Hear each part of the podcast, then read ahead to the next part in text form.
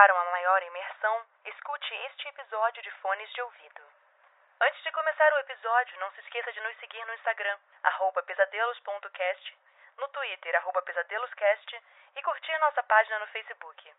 Caso queira contribuir para o crescimento do canal, acesse apoia-se barra pesadelos. Aproveite o episódio e tenha bons pesadelos. Epitáfio, por William Camargo.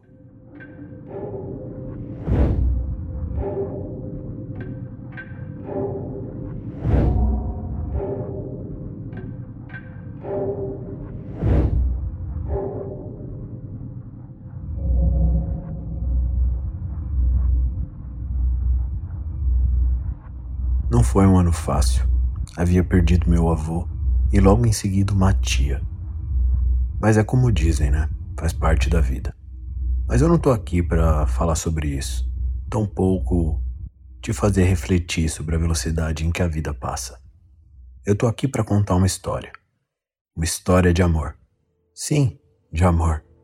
Um pouco diferente, mas ainda de amor.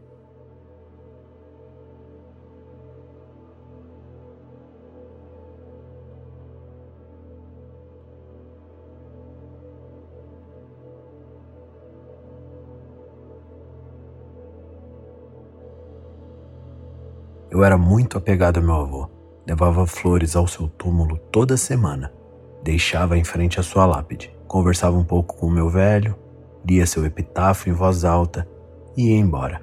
Ao lado do túmulo dele havia um outro, e as datas da morte eram bem próximas. Deve ter falecido uma semana depois de meu avô. E eu nunca vi ninguém por lá. Algumas semanas se passaram e eu comprei algumas flores a mais para o cara. Fiquei com dó, sei lá, e acabou se tornando uma rotina. Levava algumas para o meu avô e outras para o seu vizinho.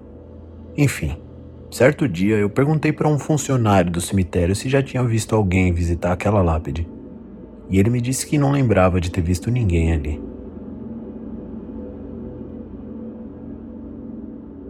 Então eu fui pesquisar. Quem será que era aquele cara? Quando eu verifiquei o nome, meu coração quase parou.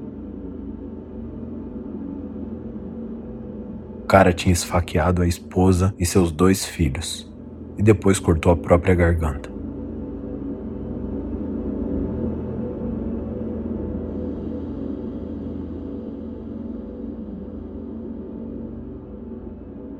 Eu levei flores por meses para um assassino. Aquilo acabou comigo.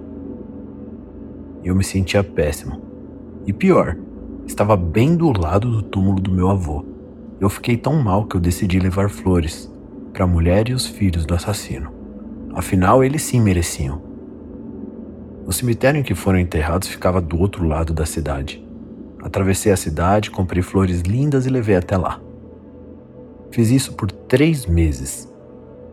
Até que um dia, assim que eu tinha deixado as flores, uma mulher que entrou no cemitério me perguntou: Quem é você? E por que está trazendo flores para o túmulo da minha tia? Eu expliquei a história Disse sobre o túmulo do meu avô e tudo que tinha ocorrido, que eu fiz a pesquisa. Ela ficou de boca aberta. E aí a gente acabou se conhecendo. E por incrível que pareça, é, essa é a história de como eu conheci minha esposa. O epitáfio de meu avô, a frase que eu sempre lia em voz alta quando deixava flores para ele, dizia o seguinte: Somente aqueles que nada esperam do acaso são donos do destino. Eu passei meses sem entender essas palavras.